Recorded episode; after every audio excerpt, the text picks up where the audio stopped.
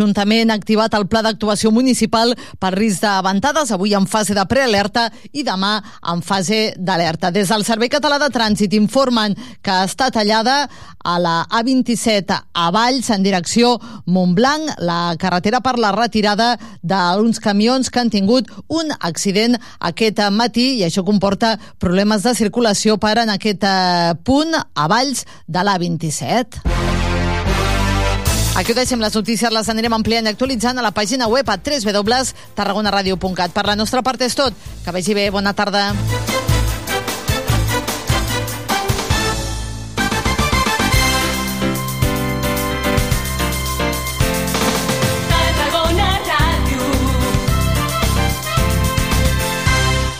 Port Tarragona, motor econòmic de Catalunya. Node logístic estratègic de la Mediterrània. Porta oberta per ferrocarril a Europa i a la península Ibèrica. I espai d'oportunitats industrials i logístiques. Més informació a porttarragona.cat.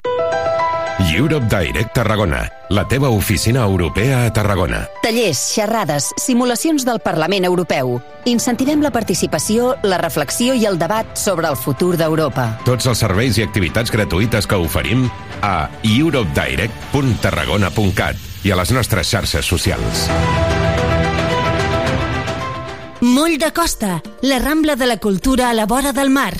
Vine i passeja per l'eix de la cultura, del lleure i de l'esport al Port de Tarragona. Hi trobaràs museus, exposicions, teatre, activitats, espais per passejar i fer esport. Completa la teva visita amb un tas de la gastronomia marinera del Serrallo. Més informació a porttarragona.cat.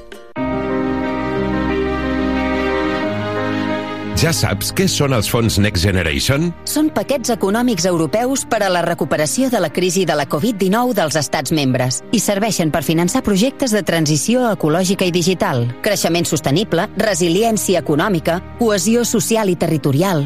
En vols saber més? Informa't a europedirect.tarragona.cat i a les nostres xarxes socials. Europe Direct Tarragona, perquè som Europa. Port Tarragona ha fet seus els objectius per al desenvolupament sostenible de Nacions Unides. El Pla de Sostenibilitat del Port desplega els 17 ODS amb més de 80 accions per protegir el nostre entorn natural amb l'objectiu de reduir en un 99% les emissions de CO2 de l'autoritat portuària al 2030. Port Tarragona. Port sostenible. Més informació a porttarragona.cat.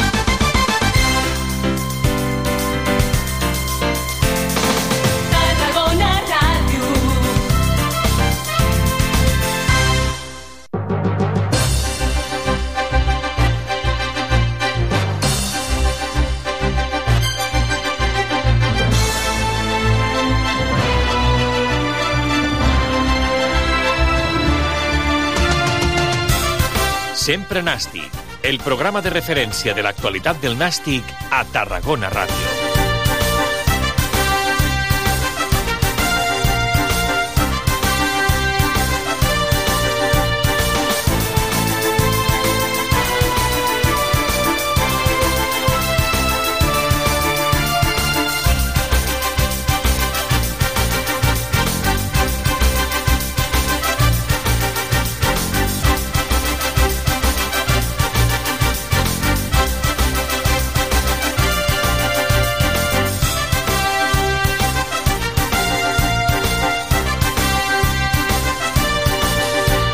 Què tal? Bona tarda, com esteu? Benvinguts a una nova edició del Sempre Nàstic en aquesta trentena temporada del programa L'Antena de Tarragona Ràdio. Avui fem l'edició número 7.183 del programa corresponent a aquest dilluns 16 de gener de 2023. Un dilluns en què la notícia, és la notícia de les darreres hores, mira, pràcticament fa 20, una mica més de 24 hores, perquè es va conèixer ahir, poc abans de les dues del migdia, la destitució del tècnic del Nàstic, Raül Agné. La setena derrota de la Lliga i la mala ratxa dels sis partits l'han acabat condemnant. L'equip, ull, eh, que només ha sumat 4 dels darrers 18 punts possibles. Segurament l'aturada de Nadal, la darrera jornada del 2022 amb la primera del 2023 va passar molt temps de per mig, i va haver els dos partits de Copa del Rei, en què tots ens vam il·lusionar una mica, sobretot amb el, dos, amb el d'Ossassuna, però segurament aquesta mala ratxa va quedar com una mica aparcada, però són 4 només de 18 punts, amb una victòria, un empat i la resta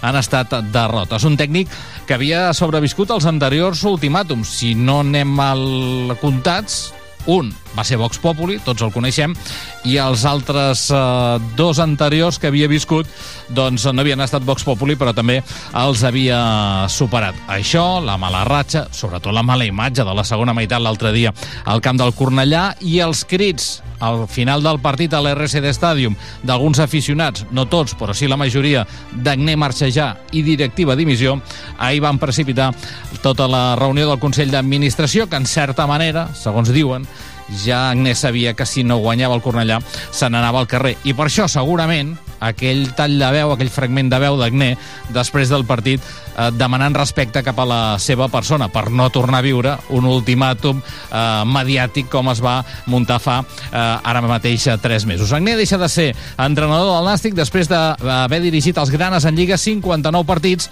24 victòries, 18 empats i 17 derrotes, i la temporada passada deixar el Nàstic pràcticament a les portes de la, de la segona divisió. Avui el Consell d'Administració es tornarà a reunir, ja que ahir no hi va haver eh, una decisió ferma de qui seria el substitut d'Agnei. Sobre la taula, diferents noms. Pedro Munitis, que des de fa dos mesos, des de fa tres mesos, des de l'anterior ultimàtum, eh, està sonant constantment. Luis César San Pedro, que seria la seva tercera etapa al Nàstic. Aritz López Garay, Pep Lluís Martí, jo crec que aquest se'ns escapa una mica de, de les possibilitats econòmiques del Nàstic i també sona pel Castelló. L'aposta d'un tècnic de la casa, que seria donar-li continuïtat a Dani Vidal, i un altre tècnic que ha anat apareixent en les darreres hores, que no és altre que Iñaki Alonso, qui ha aconseguit dos ascensos amb dos equips diferents a segona divisió, amb el Real Unión d'Irun i també amb el Real Múrcia. El càsting està en marxa i veurem qui acaba sent l'entrenador del Nàstic. El club ho ha d'intentar fer oficial en les properes hores perquè l'equip avui ha entrenat sota les ordres de Dani Vidal, però no ens oblidem, eh? a l'horitzó arrenca la segona volta de la Lliga, serà diumenge al nou estadi a partir de les 12 del migdia davant de la Societat Deportiva Logroñés. Anem a posar les notes. Tots els caps de setmana haurien de ser com aquests. Lluís, és fàcil de posar les notes, la positiva i la negativa. Som-hi.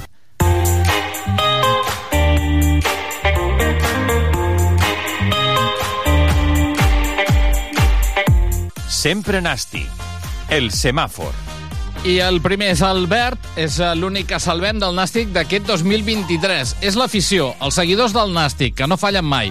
Aquest dissabte a Cornellà, més de 800 seguidors a les grades de l'RCD Stadium per donar suport a l'equip en el partit de Copa davant Osasuna, al nou estadi. Hi va haver també eh, més de 8.000 aficionats a les grades. Són els únics que compleixen els objectius amb la seva fidelitat a un escut i uns colors. Un dels capitans de la plantilla, com és Javi Bonilla, destacava el paper dels aficionats que sempre faran fins al final Forza Gimnàstic. Teníamos muchas esperanzas en el partido de hoy. Eh, venía, sabíamos que venía muchísima gente. Agradecer sobre todo a toda la afición que, que, no dejen de creer, que vamos a dar el máximo todos los días y que, que esto acabará bien. Agradecerles el, el, venir, que al final se tienen que desplazar, aunque sea una hora, pero, pero hay que desplazarse. Y poco más. Vamos a dar todo por ellos, por el club y por nosotros e intentar sacar esto adelante.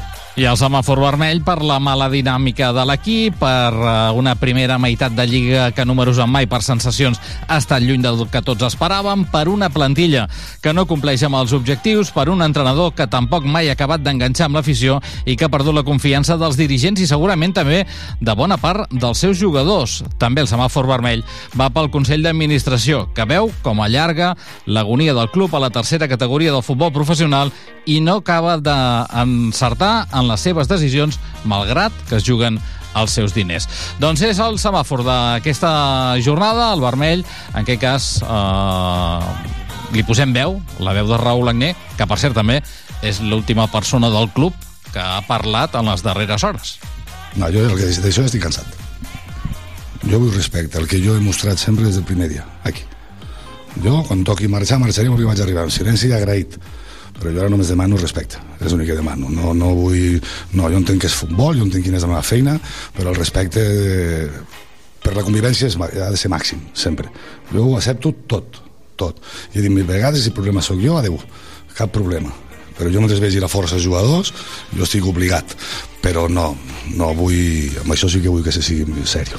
Doncs Raül Agné, la seva darrera compareixença en roda de premsa com a entrenador del gimnàstic de Tarragona. 5 minuts, un quart de 3 de la tarda, pausa per la publicitat i de seguida obrim el gabinet de crisis d'aquest sempre nàstic per veure si trobem entrenador.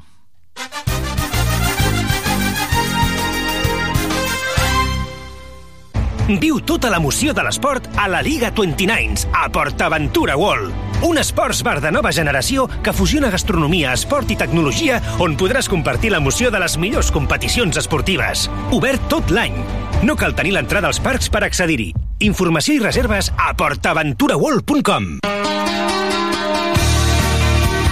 jo és que estic convençut de que ho traurem endavant i que al final veurem el Nàstic aconseguint l'objectiu, no? Com diu el capità del Nàstic, Joan Oriol, la plantilla està convençuda que l'equip sortirà d'aquesta mala dinàmica que ja li ha costat el lloc al tècnic Raül Agné. Diumenge 22 de gener a les 12 del migdia viurem la vintena jornada de Lliga Primera de la segona volta al grup segon de la Primera Federació des del nou estadi Costa Daurada en el partit entre el Nàstic i la Societat Deportiva Logroñés. I com sempre, des de fa 30 temporades, t'ho explicarem tot des d'una hora abans a la sintonia de Tarragona Ràdio, el 96.7 i 101.0 d'FM, al web i a les aplicacions mòbils. Escolta, ens participa al Joc de la Porra, comenta el partit al Twitter del Sempre Nàstic i al WhatsApp de Tarragona Ràdio. 30 temporades al Sempre Nàstic, viu el futbol, viu el Nàstic i viu els gols. Gol, gol, gol, gol, gol, gol, gol, gol, gol, gol, gol, gol, gol, gol. Posa't les mans al cap, ja és aquí, ja ha arribat pluja d'eufòria, avui és el dia de la victòria. Sempre Nàstic, el programa de GA de la informació del Nàstic. 3 minuts, arribem al punt d'un quart de 3 de la tarda. De seguida saludem els convidats avui a la tertúlia i obrirem aquesta taula de crisi per analitzar la destitució d'Agné i qui agafarà el relleu a la banqueta de, del Nàstic. Però abans deixeu-me saludar a un dels nostres místers, el Santi Palanca. Santi, què tal? Bona tarda. Hola, Jordi, bona tarda. I aquí amb el Santi reprenem el fil que teníem en el postpartit del passat dissabte davant de, de, del Cornellà, amb aquesta derrota per 1 a 0 de, del gimnàstic de Tarragona. Eh, bé, Santi, al final eh, Raül Agné havia anat superant tots els ultimàtums, però aquest darrer no l'ha acabat de, de, de superar i segurament l'han condemnat aquests números discrets que ha aconseguit en aquesta primera volta de l'equip, no? Así es, ya hubo su momento el ultimátum de seis puntos sí o sí, eh, los cubrió y bueno, ahí el Nazi cogió carrerilla, eh, hizo unos números en que se acercaba arriba y mejoró, ¿no? Y bueno, pues al final, cuando ya te dan un ultimátum, está claro que eh, no es ajeno al fútbol en cuanto vuelves a coger otra dinámica que no es la, apetecible, la de las victorias, pues ya no hay ultimátum que valga y, y al final, pues eh, desgraciadamente, porque lo que queríamos era los buenos resultados, que el Mister Agné continuara ahí y eso era señal de que el equipo pues estaba sumando y cubriendo los objetivos, pero cuando los objetivos no los cubres, lo normal en el fútbol es, que al final pues empiece a petar por un lado u otro y malogradamente pues siempre ocurre por el entrenador, ¿no? Y, y bueno, mm. pues así sucedió després d'estar dues jornades. Mm, eh, Santi, eh, l'altre dia ho parlàvem al final del partit, eh, que ha canviat tant el Nàstic per veure un Nàstic tan diferent del que ens tenia acostumat la temporada passada, que segurament ens podia agradar més o no, o menys, el plantejament futbolístic d'un futbol vistós o un futbol eh, no vistós, però clar, aquest equip aquesta temporada han queixat 25 gols a l'acabar la primera volta. L'any passat, en tota la Lliga, en van queixar 26 i la derrota a Cornellà va ser la setena d'aquesta Lliga, que estem a l'Equador, quan l'any passat, amb tota la Lliga, només va perdre 9 partits. Què, què és el que ha canviat d'aquest equip? Bueno, pues a veces mm, tocas una pieza o dos y, y quizá de un año para otro los jugadores nuevos que llegan, pues mm, con toda la buena intención se hace una plantilla mucho más potente, más fuerte, donde puede haber más alternativas de juego y empiezas a perder esa solidez. Dos, tres resultados se te giran, no sé, hay lesiones, hay altibajos, expulsiones. Al final todo el montaje de un equipo férreo, serio, dificilísimo, como bien decía Jordi, sabíamos que le gustaba y se sentía cómodo cediendo la pelota, pero luego Nasti salía como un tiro arriba y solucionaba y ganaba los partidos. Y esto pues ha hecho que, que ahora reciban más goles de la cuenta y no tienes esa solución arriba tampoco con tanta claridad. El equilibrio del, del equipo, la estabilidad, la regularidad que tienes que tener pues se pierde y a partir de ahí pues cuesta armar un equipo, un bloque en el cual la solidez la has perdido y sobre todo defensivamente que era el fuerte del Nazi del año pasado. Mm -hmm. eh, ara mateix el Consell d'Administració té sobre la taula alternatives per portar a la banqueta de, del Nàstic. Ahir, sorpresivament, eh, bé, no s'havia tancat cap acord encara amb ningú, tot i que la trobada del Consell va allargar-se pràcticament eh, més enllà d'una hora i mitja, una hora, una hora tres quarts. Eh, avui els companys del diari de Tarragona feien un article en el que treien molts noms, eh, Pedro Munitis, que és el que més ha sonat, perquè n'hem parlat ja, ja molt d'ell, i fa tres mesos ja era la principal alternativa quan va tenir l'ultimàtum públic eh, Raül Agné. Han aparegut altres noms, com Luis César San Pedro, que jo crec que també és un clàssic que va apareixent, seria la seva tercera etapa a la banqueta del Nàstic, Aritz López Garay, Pep Lluís Martí, que aquest jo crec que se'ns escapa una mica de, del nostre abast, crec, eh? sincerament, eh, i després eh, hi ha la possibilitat de, de donar-li la banqueta a Dani Vidal, entrenador, el segon entrenador de, del Gimnàstic de Tarragona, un home de, de, de la casa, però mm, també hi ha altres alternatives perquè ha aparegut un nom, no sé si dir-li el tapat o no, eh, que era el d'Iñaki Alonso, i precisament t'ho pregunto una mica què et sembla tota aquesta terna i què et sembla també en especial Iñaki Alonso, perquè si te'n recordes, a la retransmissió del partit a Irún parlàvem d'ell, perquè l'últim cop que el Nàstic havia estat a, a Irún havia jugat contra el Real Unión a segona divisió i ell aleshores entrenava el Real Unión a segona, que l'havia pujat l'any anterior de segona B a segona A. Sí, comentamos, ¿no? Que me preguntaste. Sí, que, que si era el germà de Perico Alonso, ¿eh? De Perico Alonso. Sí, no, era, no, no, no, no tiene nada que ver, o por lo menos no tenía conocimientos de que era el hermano, ¿no? Y sí, entrenó a Real Unión de Irún. Y bueno, Jordi, eh, la terna siempre está en que salen a la prensa. Si salen a la prensa es porque probablemente alguien del Consejo pues habrá comentado con, con la prensa para que las posibilidades, ¿no? O bien la prensa pregunta y queda en el aire, pues entrenadores en la terna que puede ser o no, ¿no? Eh, al final ninguno te va a garantizar que vas a ganar todo y que vas a meter el equipo arriba, o bien cuando te reúnes con ellos, seguro que te van a poner que es un equipo para estar arriba, que, que el nazi está de paso, te ilusionan y lo que quieren es pues coger un equipo de, de la entidad del nazi que a todos los entrenadores o la mayoría que se barajan las posibilidades de, del Nace, como decía Lluís Martí, quizá tiene un caché mm, actual más superior a, todos y, y, bueno, pues también ahí eh, se ha nombrado a, a, este entrenador que, como bien decías, pues se le puede ir de las manos en el tema económico, pero que, no se puede decir que no porque el Nazi es un equipo fuerte, considerado y, que ilusiona pues a la mayoría de entrenadores de España que puedan estar en esa rueda, ¿no? Y al final nadie garantiza nada y vamos a ver eh, el acierto que haga el nazi, el que haga es el que tenemos que apoyar y al final los números son los que cantan, porque al final tú montas hace dos, tres años con Sergi Parés, eh, dos años que no surgen, ahora es David Comamala que abandonó el club porque no se confió en él, se ha confiado en él, se ha repescado y sobre todo pues era uno de los apoyos del entrenador en bandera que tenía que era Raúl Arné ya inclusive antes de, venir él pues fue un hombre que apostó por él eh, la sombra eh, junto con el club. Estoy convencido porque es un entrenador que apuesta por él. Y ahora pues eh, siendo el director deportivo no han podido sacar adelante teniendo una temporada nueva para preparar y una plantilla para hacer.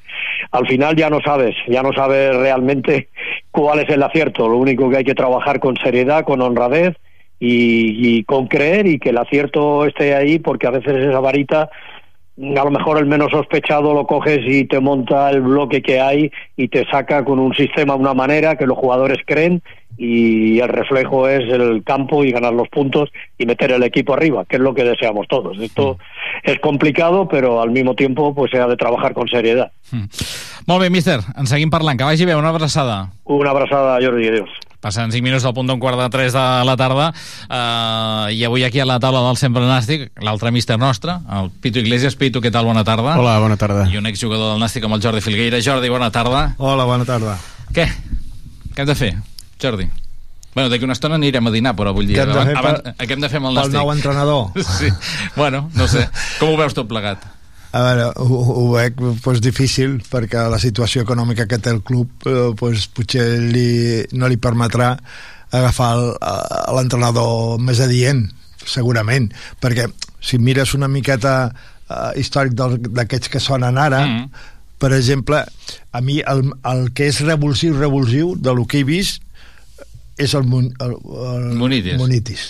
El Munitis, que ha estat gairebé un any o, o, o, o no ha arribat a l'any a, a molts equips, eh, els ha agafat en situacions baixes i els ha pujat eh, a zones eh, o de playoff o quasi de playoff, com l'últim dia amb el- l'últim Amb any amb el Sabadell. Però això, seguit, eh, el primer any va tindre el Racing i el va pujar, i després tot el que ha agafat, ho ha agafat així, inclús en alguns ha marxat, no ha volgut renovar ell.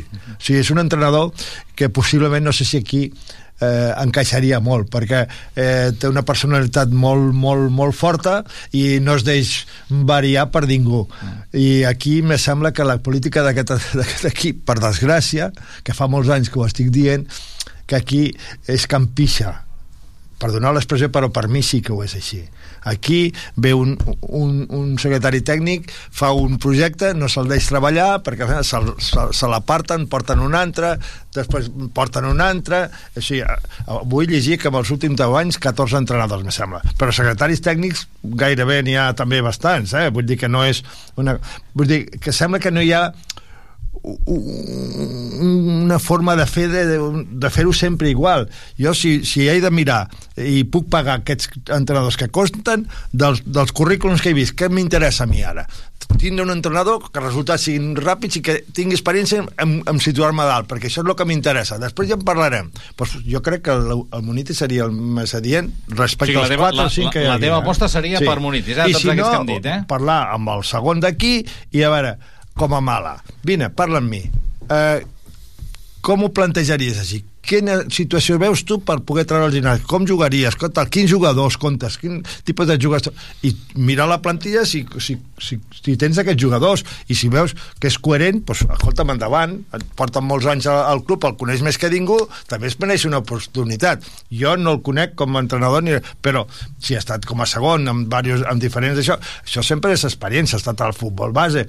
Vull dir, estima el gimnàstic, perquè si no, no estaria aquí, doncs també se li pot donar una oportunitat. Si s'ha desviat tant el pressupost com estem, doncs possiblement seria l'altra l'altra alternativa. Mm -hmm. Pitu, com ho veus? Bé, jo el que veig que, que probablement la plantilla que s'ha fet aquest any no s'adaptava a, a la manera que té uh, Agné. Agné de, de, de, de veure el futbol, que tots Però- són però respectables allà- i són molt... Però llavors és una errada de base, no? Perquè, clar... Bé, aquí al final s'hi junta tot, no? Mm, Suposo que tenia contracte, hi ha, per liquidar un entrenador i fitxar un altre, hi ha molts diners de pel mig, m'imagino, vull dir, mm, s'ajunten moltes coses, no? Bueno, Però sí que... que sapiguem, Agné no tenia contracte. Que sapiguem, eh? Dic, eh? Sí, sí, bueno. Sí, sí, sí, sí. Mm, Però, però sí que és un... Van renovar. Del meu punt de vista, no? Eh, si tu tens un entrenador que veu el futbol com, com Agné, que, que cada... Vull dir, tot és respectable, Sí, sí, tu t'agradarà d'una manera, a mi d'una altra, ell creu en aquest sistema, doncs, bueno... Teníem un jugador que era un pivot eh, defensiu, que era molt clar, que feia una feina bruta però molt efectiva mm, canviem aquest jugador per uns jugadors molt més ofensius hem, han portat dos mitges puntes jo crec que o segons puntes o que, que eren de lo milloret que hi havia a la categoria mm, però per jugar amb un altre sistema no amb aquest, no? Llavors, bueno eh, a partir d'aquí eh, jo el tema Munitis eh, inclús el tema López Garay jo els veig més adaptats a aquests tipus de jugadors que es van portar que no pas a, a, a la manera de jugar A de- Agné, de- eh? d'Agné Mm. Mm, llavors, bueno, jo... mm, Munitis té molta raó el Jordi, no? És un tio eh, d'acció immediata, eh, per tant, bueno, ara mateix el que necessitem són victòries ja aquest proper diumenge, vull dir, no podem mirar a dos, tres setmanes vistes perquè eh, llavors se ens en poden que no- anar al no- playoff a... O sigui, l'aposta ha de ser clara, no et pots equivocar, no tens temps No, per equivocar-te no, perquè, i- perquè, perquè sí, a veure, pel, pel que deia el Jordi, pels objectius d'aquest club, perquè clar, vull dir, allà hi ha gent que que continua posant calés perquè això vagi, vagi tirant endavant, no? Però és que, clar, l'Eldense s'ha posat ja a 9 punts. Que són molts. Són molts. Sí que ha de venir aquí l'Eldense i tal, però són molts punts. Eh, però el playoff s'ha posat a 5, bé, que no seria massa... Però bé, tampoc no pots anar fent, fent el ruc perquè estem a la meitat de la temporada ja. No, per això he dit el Jordi, no? Un entrenador de, de, de resultat immediat, que és el que necessita l'equip ara. Mira, dues coses. Jo, per exemple, al Munitis veus el currículum, però a més a més ten- tens un jugador a la plantilla que ha estat l'any passat amb ell. Aaron Rey. Que... I no és que fos un titular indiscutible, pots parlar amb ell. I podries Que tenir pot- un altre si, tenir- si, acaba, si acaba venint Guillem Molina, no? Que, que havia sonat la setmana passada. Jo crec que ha passat que el- el- el- el- l'Agné ha sigut eh, no sé com, com dir-ho Mm, ha volgut canviar el sistema de joc per pressions perquè ell no, jo crec que ell no havia jugat com estava jugant a la plantilla aquest, a, aquesta segona temporada.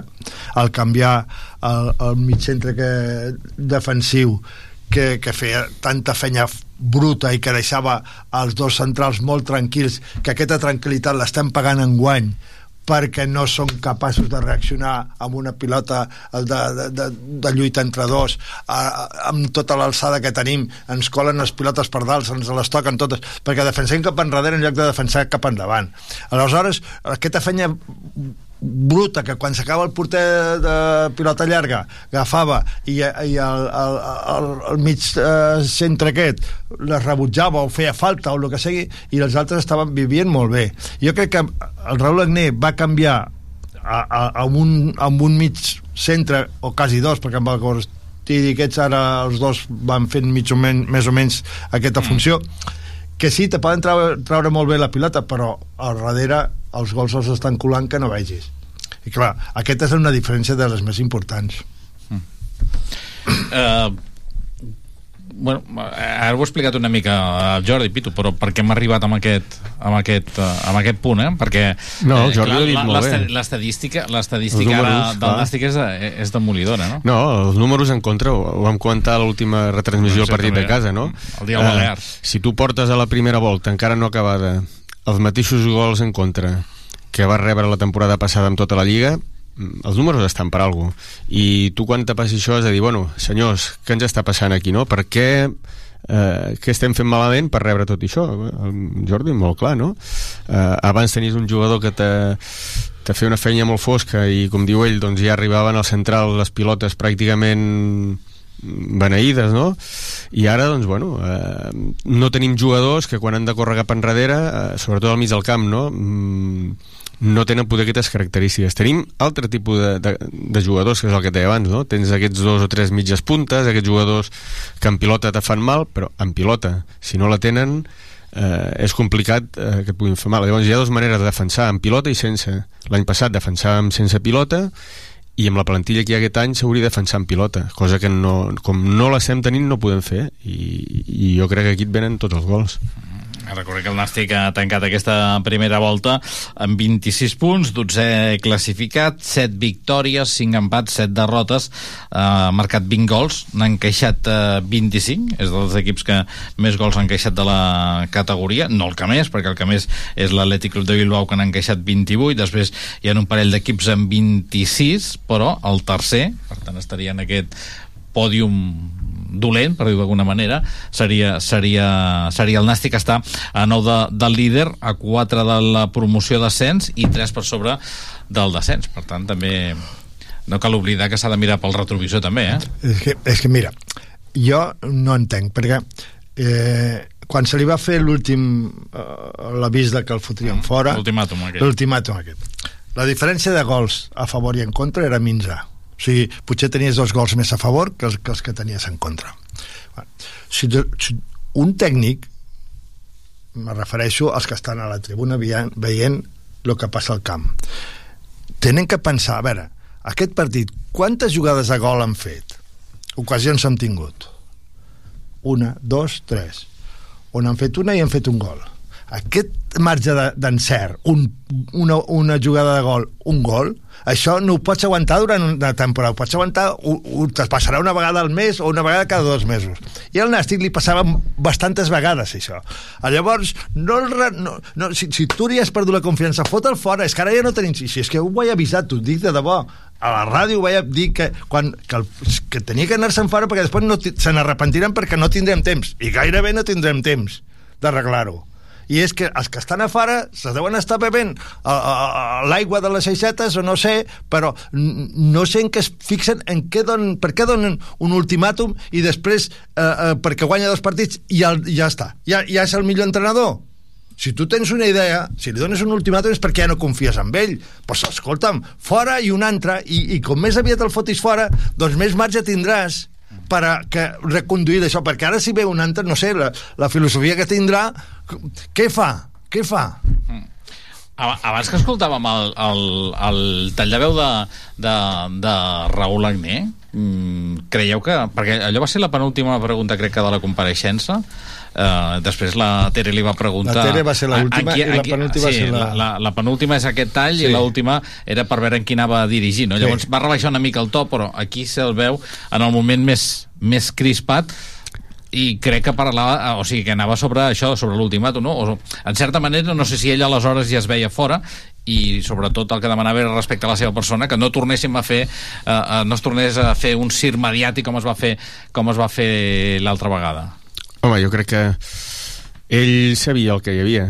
Mm, Si tu recordes l'últim partit que jugar aquí a casa, jo et vaig dir abans de marxar ulls si perdem a Cornellà perquè hi pot haver canvi d'entrenador i, i el mateix que veia jo mm, ell ho té que veure més, més no? perquè és el que està al dia a dia i és el que parla amb, amb, amb, com a mala, el que parla amb el president vull dir, al final tu ja veus quan la cosa està madura o no està o, o si hi ha confiança però cuidau tot això ho veuen els jugadors, l'entrenador ho veu molt així, més no? així com altres vegades a, a Pitu, a, altres vegades amb altres destitucions perquè abans el, el, el Jordi feia un llistat de tots els entrenadors que han anat destituint aquí que en són molts, vull dir eh, eh, a vegades ja no sé, ja veus el, el, el partit ja veus que els jugadors eh, i això el Jordi que ha estat futbolista ho sabrà, vull dir jo no et dic que es deixin que, que es deixin perdre i ni que deixin caure l'entrenador però veus que, bueno, costa una miqueta més. I en canvi aquí, amb l'ultimàtum aquest, aquest, aquest públic ostres, l'equip va, va, va respondre. Per tant no sé si part de la plantilla o tota la plantilla creia amb, amb Agné. Bueno, és que a vegades també és la mentalitat amb la que surt l'equip, no? Si tu te diuen eh, te fotem fora l'entrenador si no guanyes dos partits i vas fora de casa, doncs surts amb la mentalitat que tens que guanyar sí o sí. Mm, si això no existeix, bueno, vas al camp de no sé qui, doncs dir, bueno, eh, comencem tranquil·lets i a veure com va el partit i ja veurem i un punt és bo i tal.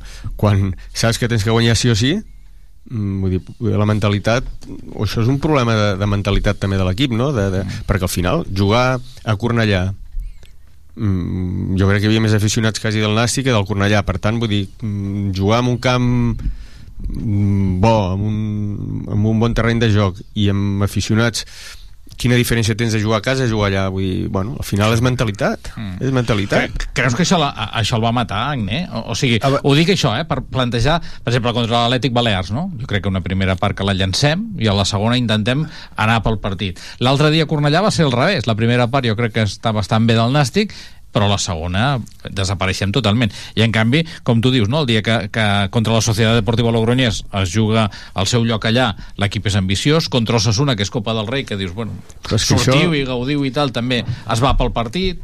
El... eh, No, no, Digues, digues, digues. El, el futbol és molt simple, Jordi. Tu quan, tu quan jugues i ets delanter, per exemple, si la primera pilota que reps, el central te deix rebre i girat, va, dius, hòstia, avui aquí sí. a triomfar. Si la primera te clava el giny a l'esquena i la segona al colze, dius, hòstia, avui aquí malament. Mm. Si tu vas a un camp, un equip que és inferior entre cometes, Pressupostàriament. pressupostàriament Com i, i, i com a nom no, de jugadors.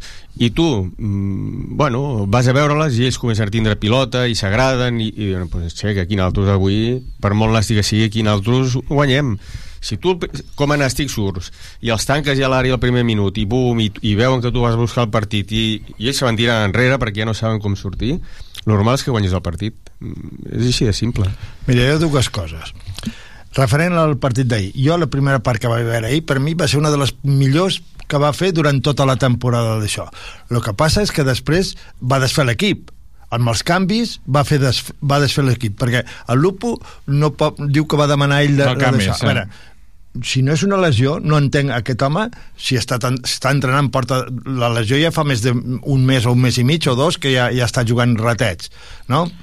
I... Sí, el que passa és que jo crec que l'Upo té un problema, més, més enllà de, de, de físicament i tal, té algun tipus de problema també amb, amb la protecció. Ah, vale. Perquè va haver un moment a la primera part que se, que se la va treure un moment i Sí, tal. quan I va no, i rematar no, de cap, no se sé la si, trau. si li dona sensació d'ofec Però- o alguna cosa d'aquestes, però que no? encara no se la pot treure Jo crec que encara no. Ah, vale. Uh -huh. Bueno, pues, llavors va ser una molt bona primera part. Amb els canvis es va desdibuixar totalment el, el, I l'equip va desaparèixer va totalment, eh? desaparèixer. Sí, sí. Respecte al tema de córrer, jo recordo el partit, em sembla que era contra el Castelló, que van guanyar amb aquell gol de, de falta del, De Bonilla? de Bonilla que el, el uh, Guillermo i el que van expulsar el Pablo? el Pablo van córrer que els contavoltes aquells que porten a darrere va donar tres voltes al contra. Van tocar tres pilotes en tot el partit. Es va guanyar, vol dir que de la intensitat que hi posaven i, això, i les ganes de córrer l'equip, jo aquí sí que no poso cap, cap d'això no sé. la segona part d'ahir va ser un, jo crec, motivat pels, pels canvis. Però l'entrega del, del, dels jugadors mm, jo crec que no, no està, està bé. Ara bé que després me vinguin i que el partit de Pamplona el diumenge següent perquè es, ven, es, es perd contra l'Atlètic Balears que sigui l'entrenador el que digui faltaven cames escolta'm, tu tens tota la tecnologia del món per a saber a, els jugadors com estan de cames perquè quan jugava jo sí que no tirava, aixecaves el banderí així eh, un mocador si bufava l'aire cap allà ostres, fa aire eh, eh, vull dir, aquesta és la tecnologia que teníem nosaltres. No, ells porten una cosa al Sí, darrere sí. l'esquena que posen a l'ordinador els hi diu quants quilòmetres han fet els esforços que han fet intensos la, la, tot, tot una sèrie de paràmetres i que després digui que doncs no el posis el dia del Pamplona. A veure, tu el dia del Màlaga tenies un lapsus de temps per recuperar-te tranquil·lament jugar amb l'equip titular. Però contra l'Ossassuna de cada 100 vegades que, que, que juguis contra ell ne perdràs 99 i mig per tant, no era allò de dir, hòstia, a veure si a, a, a, a, els eliminem i vindrà el Barça, que tampoc no és segur, o el Barça o el Madrid, que tampoc no és segur. Ah, llavors, posa els, a- els que no han jugat, que mira, tindran un partit amb il·lusió i això, i faràs més pinya encara al planter. Per tant, sí, que és, són un reguitzell de coses que després no tenen justificació. Jo no sé si pot estar uh, uh, uh, apretat pel, pel, pel, pel, pels directius de dir-li, hosti, tu, posa un bon equip contra l'Ossassona a veure si els prevaltem, perquè com estem fotuts de peles, uh, a veure si, si ens ve un primer i ens omple el camp i fotem la calderada. Però un entrenador no s'ha de deixar pressionar per això. I després el que no pot ser justificat. Mira, dos quarts i mig de tres de la tarda, deixen que marxem un moment a Port Aventura i de, de seguida tornem. Viu tota l'emoció de l'esport a la Liga 29 a PortAventura World. Un esports bar de nova generació que fusiona gastronomia, esport i tecnologia on podràs compartir l'emoció de les millors competicions esportives. Obert tot l'any. No cal tenir l'entrada als parcs per accedir-hi. Informació i reserves a portaventuraworld.com Anat ràpids, eh? Hem anat a la Liga 29 de Port Aventura i hem tornat, i hem tornat uh, cap aquí. Eh, perquè d'aquí, pel que deies tu, eh, a banda de, de l'entrega de, de, dels jugadors del Nàstic, com a plantilla, creieu que tenim millor plantilla que la temporada passada? Tenim plantilla per assolir els objectius sota les ordres de vingui qui vingui a la banqueta del Nàstic? Jo penso que tenim... Espera, que t'obriran el micro ara. Eh, jo penso que tenim millor plantilla a nivell de qualitat individual. Val, això no vol dir que tinguis millor equip. Millor plantilla a nivell individual jo crec que tenim, perquè vull dir, l'any passat mm, si jo trobava a faltar eren dos tres jugadors d'aquests diferencials que et puguin fer un contra un que, eh, doncs tenim a, a l'Andy que jo crec que l'any passat va ser dels millors jugadors que van veure nosaltres aquí de llarg uh, l'Aaron Rey el mm, mateix, no? que és un jugador que, que té un bon contra un, una bona visió de joc vull dir, tenen, tenen xispa però poder és el que et deia abans no els hem sabut adaptar eh, a l'equip, no? Eh, o no els hem sigut buscar un sistema de joc per, per encaixar-los dins, de l'equip i que fossin eh, efectius. Jo sóc dels que penso que a vegades estàs l'entrenador no ha de eh, no sé, no? com com el, no sé, eh, Quique Martín, no? jo tinc un sistema i tingui centrals o no tingui, jugo amb tres centrals. Però si tens un central pues igual ha de fer un invent i jugar amb un central i no sé, o, o si no tens carrilers pues no pots jugar amb tres a darrere no? que això és el que ens va passar per exemple a Enrique Martín uh -huh. eh, tu tens que adaptar el que tens i si tens doncs, uns jugadors d'un estil ofensiu que et poden jugar entre línies i tal, pues igual tens que jugar amb un sol delanter i dos tios per darrere entre línies i llavors sí que tens que posar a darrere un tio que corri per quatre mm, i jo crec que és el que ens ha faltat una miqueta no? encaixar els jugadors que han portat aquest any a, amb un sistema jo crec que l'Agné no ha sapigut trobar el, sistema per jugar amb aquesta plantilla que té perquè ell, la base de, se lesionava el Ribelles, que era el, central, el mig centre que parlàvem, i jugava l'altre que també era molt similar, m'entens? El Miranda.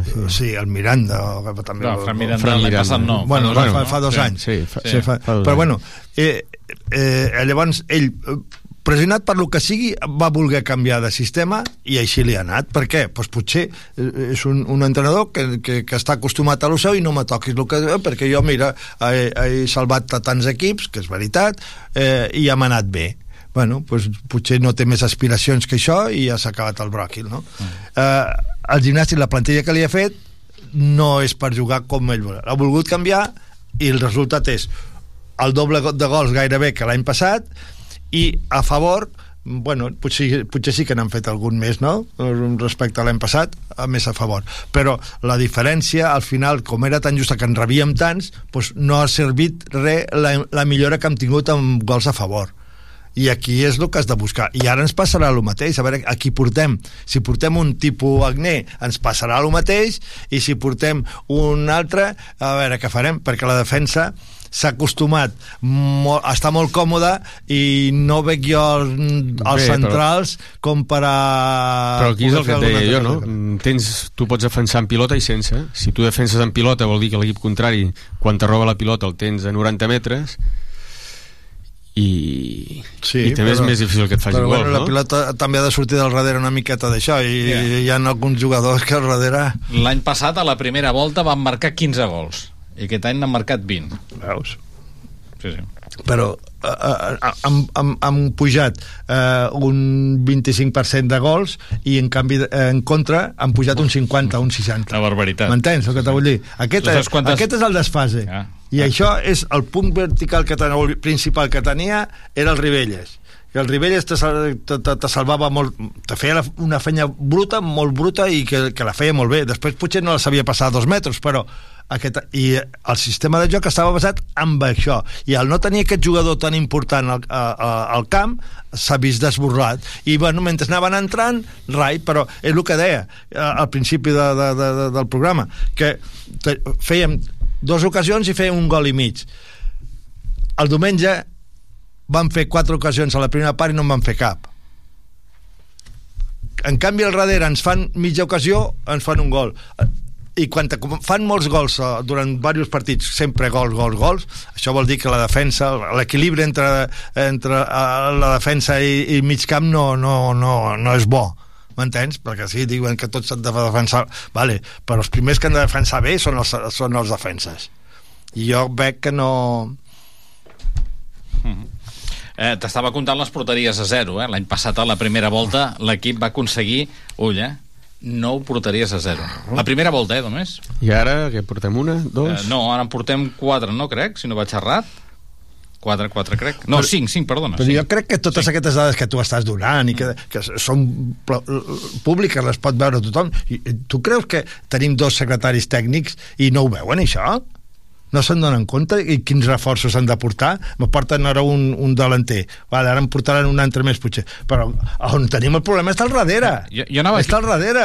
El problema, no està al davant. Eh, la setmana passada parlaven de Guillem Molina que és defensa central. Eh, ara independentment de l'entrenador que vingui eh, perquè a veure, vingui qui vingui veient la classificació i el poc o molt que hagi pogut veure el Nàstic tindrà clar que necessitarà reforços i ara mateix només hi ha una fitxa lliure i a sub-23 que sí que encaixaria aquí bueno, i Guillem, Guillem, Guillem Molina, Molina no? és un jugador reconvertit a central que ell des de futbol base On sempre havia jugat de mig defensiu al Valls, després al ah. Reus a pivot defensiu aquest se'n va anar al València, va passar al València, València no? com, a, com, a, el segon equip com a pivot defensiu i després sí que el van readaptar ja a central però vull dir, és un jugador que també pot jugar perfectament i, i què creieu que demanarà el nou entrenador? Socorro. No, home, sí, sí, a banda, a, a, a banda d'això, però clar, quines mancances li veieu a l'equip? Jo crec que ha de començar per formar la defensa. A I, això, I això què vol dir? Fitxar un jugador? Fitxar, dos? Eh, per almenys un parell de jugadors. Un parell de defenses, eh? Algun dia, recuper... algun dia recuperarem el Martrilles, també suposem, no? Ah, no sé, perquè aquest home està lesionat, pobre. Bueno, jo... Sí, a veure, sempre es pot fitxar, no? Però jo més que fitxar, jo crec que s'hauria de canviar una miqueta el, el, el sistema i la manera de jugar, perquè al final també estem jugant amb extrems, no? Un 4-4-2 amb extrems que cap, que cap és extrem perquè Bonilla, no, no, Bonilla no és extrem perquè no té, no té tu, una velocitat tu, per. Tu, tu, que ens acompanyes a tots els partits eh, no fotem una centrada de línia no, de fons clar. ni que ens matin, eh? Que Totes les dos, centrades que fem són dos, des de la frontal per que... Això, per això és un mal de fa molts anys. Jo crec que des del David Cuellar mm, no hem tingut cap extrem aquí. I hem tingut davanters Manu Barreiro, que era un rematador, eh, tenim a Guillermo, que és un rematador, tenim a... Llavors, estem jugant a Mar Álvarez, que és un segon punta, un jugador que, que, que guanya les esquenes molt bé i tal, dia Pedro però no és extrem. L'altre dia tens, Pedro del Campo. Tens Pedro del Campo, que és un mig centre, no és extrem. Tens a Bonilla, que... Que és un lateral esquerre. Que és més lateral que, que extrem. Eh, eh, al final, clar, si tu vols jugar amb 4-4-2, si no tens extrems que desbordin, també és complicat. I, i, bueno. o, o extrems o laterals, perquè tampoc no tenim laterals. Que el, el Joan de tant en tant puja, però puja molt menys que l'any passat, ja, i, i, i prou. Llavors, si no tenim extrem, no tenim lateral llarg, doncs llavors que tenim? Llavors han de buscar això. Bueno, possiblement, pues, pues llavors has de posar un, més jugadors per dins, un Central, un central i un, i un lateral, possiblement, d'unes característiques que el central eh, potser la pugui jugar una miqueta més un, l'altre no tant, i un lateral que sigui ofensiu i, i cobrir una mica eh, jugant possiblement els dos mitjos centres, el Gostigui i el, i el, i el Montalvo. És que amb el tipus de jugadors que tens... I depen, el, depenent del, del banda que puja, pues, tapar-li aquell Parlàvem de Munitis, no? Parlant de Munitis. Jo Munitis l'any passat vaig veure, no massa, dos, tres, dos partits crec que vaig veure. El d'aquí al, al nou estadi, mm, si la primera part Aaron Rey està una mica encertat, marxem 0-3. Sí. Ens van donar un, en, en pilota, eh? Uh -huh. Allò que diu un meneo però impressionant, jugant per dins, amb, amb, amb jugadors per dins, eh? vull dir, bueno, pues, si per, no per tenim... jugar per dins necessites una, un mínim de tècnica eh? que, bueno, però, però i una jo crec que els tenim de, confiança ah, perquè jo crec que és que però jo crec que no hi ha tenim... confiança per, ni per fer una paret però... si és que jo deia moltes vegades escolta, jo jugo amb aquest equip ara mateix eh, el que comentava abans del, del, del, dels dos delanters contra, contra el Castelló que van fer mils de quilòmetres per tocar tres pilotes eh, durant tot el partit, tres pilotes no més, eh? tres pilotes o sigui, el desgast físic aquest Hosti, que no sou atletes, que sou jugadors de futbol. És que l'entrenador els ha de dir que sou jugadors de futbol. Anem a tindre la pilota. És que perdíem la pilota no amb un toc, amb mig toc ja havíem perdut la pilota. Bueno, per, per això et dic, jo crec que tenim jugadors per poder-ho fer, perquè els jugadors que s'han fitxat aquest any mm, inclús ara amb el Marc Martínez són jugadors... Fernández. Sí. Ai, Fernández. Sí. Són pel 4-2-3-1, no? 4-2-3-1, com si vols jugar amb 4 amb un pivot defensiu i, do, i dos mitges puntes per davant, pots fer, no sé, mm. moltes coses, perquè, hòstia, a, a Bandi... Molts mitges puntes, molt, no? Bueno, doncs aprof Andy, aprofita... Aaron, Marc Fernández, Marc Álvarez... És que tots són... Bueno, doncs aprofita això, hauràs de potenciar el bo que tens, eh, perquè perdius al Rio, no? Vull dir, igual tens que posar un central per davant de la defensa repartint el que no estigui escrit i quan tinguem la pilota, eh, jugueu els que esteu per davant, no sé, eh, però però sí que jo crec que s'ha d'adaptar una miqueta als jugadors que tenim. Mm. Bueno, veurem, uh, veurem què passa. Estarem pendents a les properes hores de veure si finalment hi ha decisió sobre qui serà el substitut de Raül Agné a la banqueta del gimnàstic de Tarragona. Avui l'equip ha entrenat perquè l'entrenament que estava previst per ahir es va suspendre després ja del partit a Cornellà veient ja per on anaven els, els, els aconteixements. Eh, i l'equip avui ha entrenat, com dèiem, amb Dani Vidal. En principi jo crec que demà l'equip entrenava, un pot tenir festes que no, no, no hi ha la planificació d'aquesta setmana. Suposo expenses una mica de veure, de veure qui ve a entrenar al gimnàstic de Tarragona perquè això no s'atura. El proper partit serà contra la Societat Deportiva Logroñés aquest proper diumenge a les 12 del migdia al, al nou estadi. Una segona volta, ara abans comptava no? el Nàstic, tot i que s'ha destituït Agné, ha sumat 26 punts a la primera volta, l'any passat només en va sumar 25 a la primera volta, per tant és un punt més, però clar, mm, per arribar a dalt, per intentar tenir alguna mena de premi, s'haurà de fer una segona volta més o menys com la de l'any passat, igual distribuïda de forma diferent, que no calgui fer l'esprint de les últimes eh, quatre victòries, no? però més o menys una segona volta exigent, no Jordi? Sí, és que ha d'anar totes, vull dir, especular al mínim, no sé, buscar la fórmula sigui o bé defensiva o sigui bé eh, ofensiva a fer més gols que rebren i és l'única solució que li veig aquí al gimnàstic, intentar que ens faguin el mínim de gols i, i encertar si una o dues vegades i cap a casa. Pitu? Sí, no, no, és el, el que dèiem, eh, haurà de fer un, el Nàstic una segona volta pràcticament de, de Champions, no? Eh, però si es va poder fer l'any passat, mm, també s'ha de poder fer aquest. El que passa que no punts són molts, perquè al final són tres partits mínim, eh, cinc punts de playoff, bueno, cinc punts, estem allà. Són molts punts, cinc punts, i tindre 3 punts a darrere mm, són pocs punts són pocs punts, és un partit, punts. no? és un Sí, partit, per tant mm, hem de canviar el xip perquè com deies tu abans, el retrovisor l'hem de tindre posat mirar endavant però també hem d'estar mirant a darrere Molt bé, senyors, doncs que ho anem deixant aquí. Agrair-te a Jordi Filgueira i Pitu Iglesias que ens hàgiu acompanyat i que vagi bé fins la propera, senyors. Bé, Molt tu, bé. Pitu, ens veiem diumenge, no? Sí, sí, sí. Explicarem la- l'estrena del nou entrenador, eh? A d'aquest veure. nou. Molt bé, senyors, que vagi bé. Bona tarda. En 9 minuts arribem al punt de les 3 de la tarda. Així van viure la sintonia de Tarragona Ràdio el darrer partit de Raül Agné com a entrenador del Nàstic. Tornem dijous al podcast del Sempre Nàstic, divendres al podcast a la FM a partir de les 2 del migdia i el proper partit del Nàstic, que serà diumenge a les 12 del migdia, com sempre, des d'una hora abans, des de les 11, estarem ja aquí els del Sempre Nàstic de Tarragona Ràdio. Que acabi de provar el dilluns, que vagi bé, bona tarda. Doncs de seguida arrenca el partit, ara mateix ho acaba de fer, acaba de xiular l'àrbitre, per tant arrencat aquest partit d'aquesta 19a jornada del grup 2 de primera federació a la sintonia de Tarragona Ràdio i el RCD Stadium, aquest partit entre la Unió Esportiva Cornellà i el Nàstic. Oi, perdona, aquesta jugada ara del Cornellà cap dins l'àrea, protegint molt bé aquí amb aquesta jugada Marc Montalvo. Ara la combinació era bona perquè li havia posat una pilota molt bona a Mamor per la superioritat de Redro, però s'ha creuat molt bé Marc Montalvo fent pantalla, protegint la pilota fins que acabés sortint el seu porter Manu García i que acabés atrapant aquesta pilota al terra. Però ui, ui, perdona, aquesta pilota que pot guanyar Rubén Henry, menys mal que no l'ha guanyada i arribarà abans pel Domingo, però déu nhi quina passada ara en profunditat de Quique López amb velocitat que ha guanyat la posició Rubén Henry, que l'ha intentat tocar amb el pit, però no ha estat suficient perquè si la toca amb el pit i la, i la baixa al terra es plantava sol davant de Manu García, menys mal que darrere d'ell ha arribat Pol Domingo i en cursa l'ha guanyat i ha acabat emportant-se aquesta pilota quan ara hi ha hagut falta de Gerard Martín sobre el jugador del Nàstic, sobre Marc Fernández però el que roba la pilota és Ander Gorostidi, aguanta bé Gorostidi entre línies, es planta pràcticament a tres quarts de cap, deixarà la pilota per Aaron Rey, gira sobre si mateix el de Ferrol, la torna per Gorostidi, aquest l'obrirà a l'esquerra per fer la centrada, el segon pal, el cop de cap de Lupo fora. I a Francesc Fullana, serà ell qui acabarà posant aquesta pilota, penja aquesta pilota un punt de penal, oi, el gol, mare de Déu senyor. L'ha tocat algú? És que a mi em dóna la impressió que no l'ha No, tocat no. ningú, eh? Que tal com ve la pilota, li bota Manu García Sí, sí, i se l'acaba menjant una miqueta.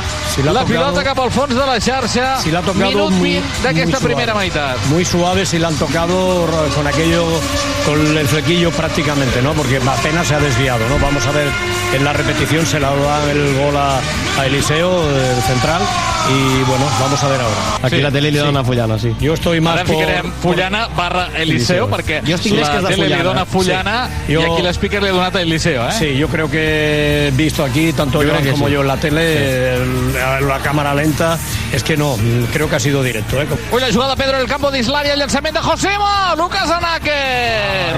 L'acaba traient Lucas Anáquer. Ara el Nàstic ha guanyat aquí una bona pilota, amb bona decisió de Pedro del Campo amb la centrada. L'ha tingut Josema, que estava al balconet de l'àrea tot sol, i la pilota l'acaba traient Lucas Anáquer. I ara hi ha una falta favorable al Nàstic, una falta que li han fet a Marc Fernández a la frontal. Ull, que aquesta falta és bona pel Nàstic, esquerra de la porteria de Nàquer. Muchísimo va Enrique, partido. aquesta pilota per Marc Fernández, surt Marc. Lucas Anáquer, el llançament de Marc Fernández s'ha quedat sense angle, Oh, l'acaba traient, no hi arriba Oh, ha Lupo. bé, L'acaba eh? traient la defensa, no hi ha arribat Lupo, molt ben filtrada aquesta pilota de Pedro del Campo cap a Marc Fernández, espera, aguanta la pilota, la sortida del porter que tapa molt bé, això obliga Marc Fernández a fer la centrada perquè ja no tenia angle de porteria i quan fa la centrada l'acaba traient el defensor que amb una miqueta més de sort se l'hagués trobat Lupo de cara, però l'ha ficat més lluny d'on hi havia el davanter romanès. Bé, el Nàstic sembla que s'està aixecant de la Sí, bufetada sí. que ha estat Ha el gol encaixat. Ha reaccionado, gran jugada ahí, un balón muy bien metido a la espalda entre líneas de la defensa y ahí Mar Fernández a la hora de correr y el primer contacto se le queda un poco trastabillado y sale rebotado el balón y se le y pierde la zona de tiro eh, posibilidad primera pero tira muy bien hacia atrás y es el defensor el que saca bajo palos el, el balón eh Perdona, que la té Aaron Rey, que la posa cap dins Oh, l'àrea per que Lupo. Lupo que es vol donar la mitja volta. Se li ha llançat a sobre el defensor, però la pilota encara és per Marc Fernández a l'altra banda, fa la centrada fora. No, corna, mira, Corner, diu que l'ha tocat sí, sí. amb aquesta jugada de Gerard Martín, que ho ha fet Lupo, aquí les, les estem tenint, eh? estem portant perill a la porteria de Lucas Anáquer. Hem de començar a marcar ja. Pilota per Aaron Rey, que la toca per Gorostidi, que la deix molt bé altra vegada per el capità del Nàstic, que la toca molt pic, que la baixa al terra, que vol fer la centrada a Joan Oriol, que intenta fer el primer retall, acabarà deixant aquesta pilota enrere perquè la toqui Aaron Rey. Aaron Rey, que va conduint cap, a, cap al centre, ho vol provar des d'aquí, posa la pilota, filtra dreta cap dins l'àrea, el llançament Ah. d'aquesta pilota, es refusa el llançament d'Aaron Oh, Rey, no. torna a refusar la defensa, altra vegada hi va Aaron Rey, Lupo, la treu Lucas Anáquer. meu. Déu-n'hi-do, quina aturada acaba de fer Lucas Anáquer. Jo crec que la, té, l'ha tret directament amb la cara, eh? L'ha tret directament amb la cara, el feliciten tots, perquè acaba de fumbra una aturada monumental Lucas Anáquer per evitar el gol del Nàstic. Carril de la dreta per Pol Domingo, aguanta Pol Domingo, pilota per Robert Simón, altra vegada per Pol Domingo, fins la línia, fons fa la centrada, la pilota passadeta al segon pal i arribarà Nil Jiménez a l'altra banda, aguanta aquí Nil Jiménez la pilota, encara protegeix la- l'esfèrica el futbolista del Gimnàsia de Tarragona que la deixarà per Javi Bonilla que fa la centrada, que busca el punt de penal no hi ha arribat bé a contactar amb la pilota i s'acaba sortint a l'esquerra bé, sortit tant a l'esquerra que s'han anat per la línia lateral no ha acabat sortint ni per la línia de fons Ui, ui, perdona, aquesta jugada del Cornellà. La pilota l'acaba traient Joan Oriol perquè estava aquí ja preparat amb la canya el jugador del Cornellà. Crec que era Tavares el que la, el que la buscava. Hi haurà un altre canvi pel Cornellà. Entrarà Àlex López Agrot, un altre ex del Nàstic. Ui, aquesta pilota per Aaron Rey, perdona, Santi, ara a la frontal, la pilota per Nil Jiménez, oberta a l'esquerra, fa la centrada, la buscava cap a Guillermo, l'ha acabat traient Carlos Blanco.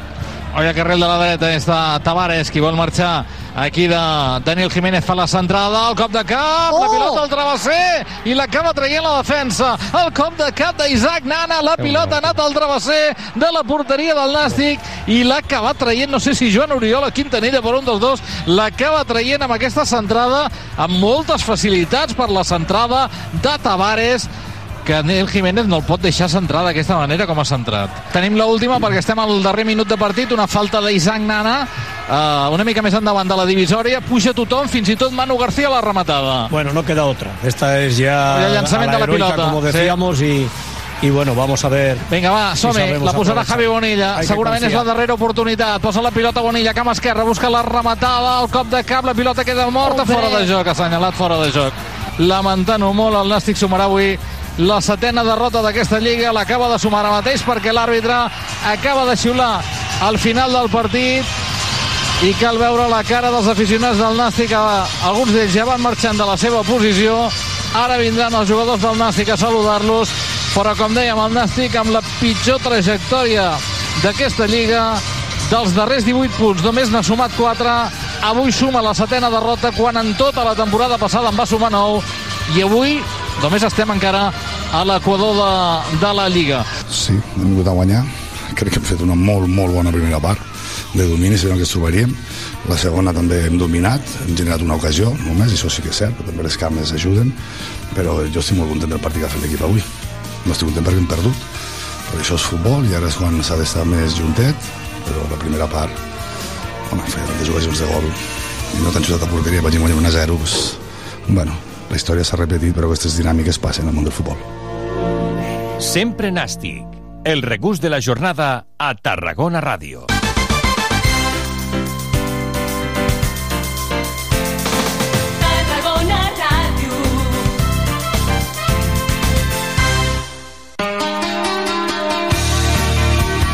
Jo és que estic convençut de que ho traurem endavant i que al final veurem el Nàstic aconseguint l'objectiu, no? Com diu el capità del Nàstic, Joan Oriol, la plantilla està convençuda que l'equip sortirà d'aquesta mala dinàmica que ja li ha costat el lloc al tècnic Raül Agné. Diumenge 22 de gener a les 12 del migdia viurem la vintena jornada de Lliga Primera de la segona volta al grup segon de la primera federació des del nou estadi Costa Daurada en el partit entre el Nàstic i la Societat Deportiva Logroñés. I com sempre, des de fa 30 temporades, t'ho explicarem tot des d'una hora abans a la sintonia de Tarragona Ràdio, el 96.7 i 101.0 d'FM, al web i a les aplicacions mòbils. Escolta'ns, participa al Joc de la Porra, comenta el partit al Twitter del Sempre Nàstic i al WhatsApp de Tarragona Ràdio. 30 temporades al Sempre Nàstic, viu el futbol, viu el Nàstic i viu els gols.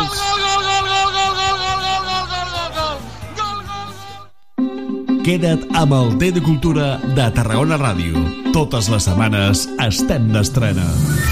Lletres, música, art, història... Queda amb el T de Cultura els divendres de 8 a 9 del vespre i la redifusió dels diumenges de 12 a 1 del migdia.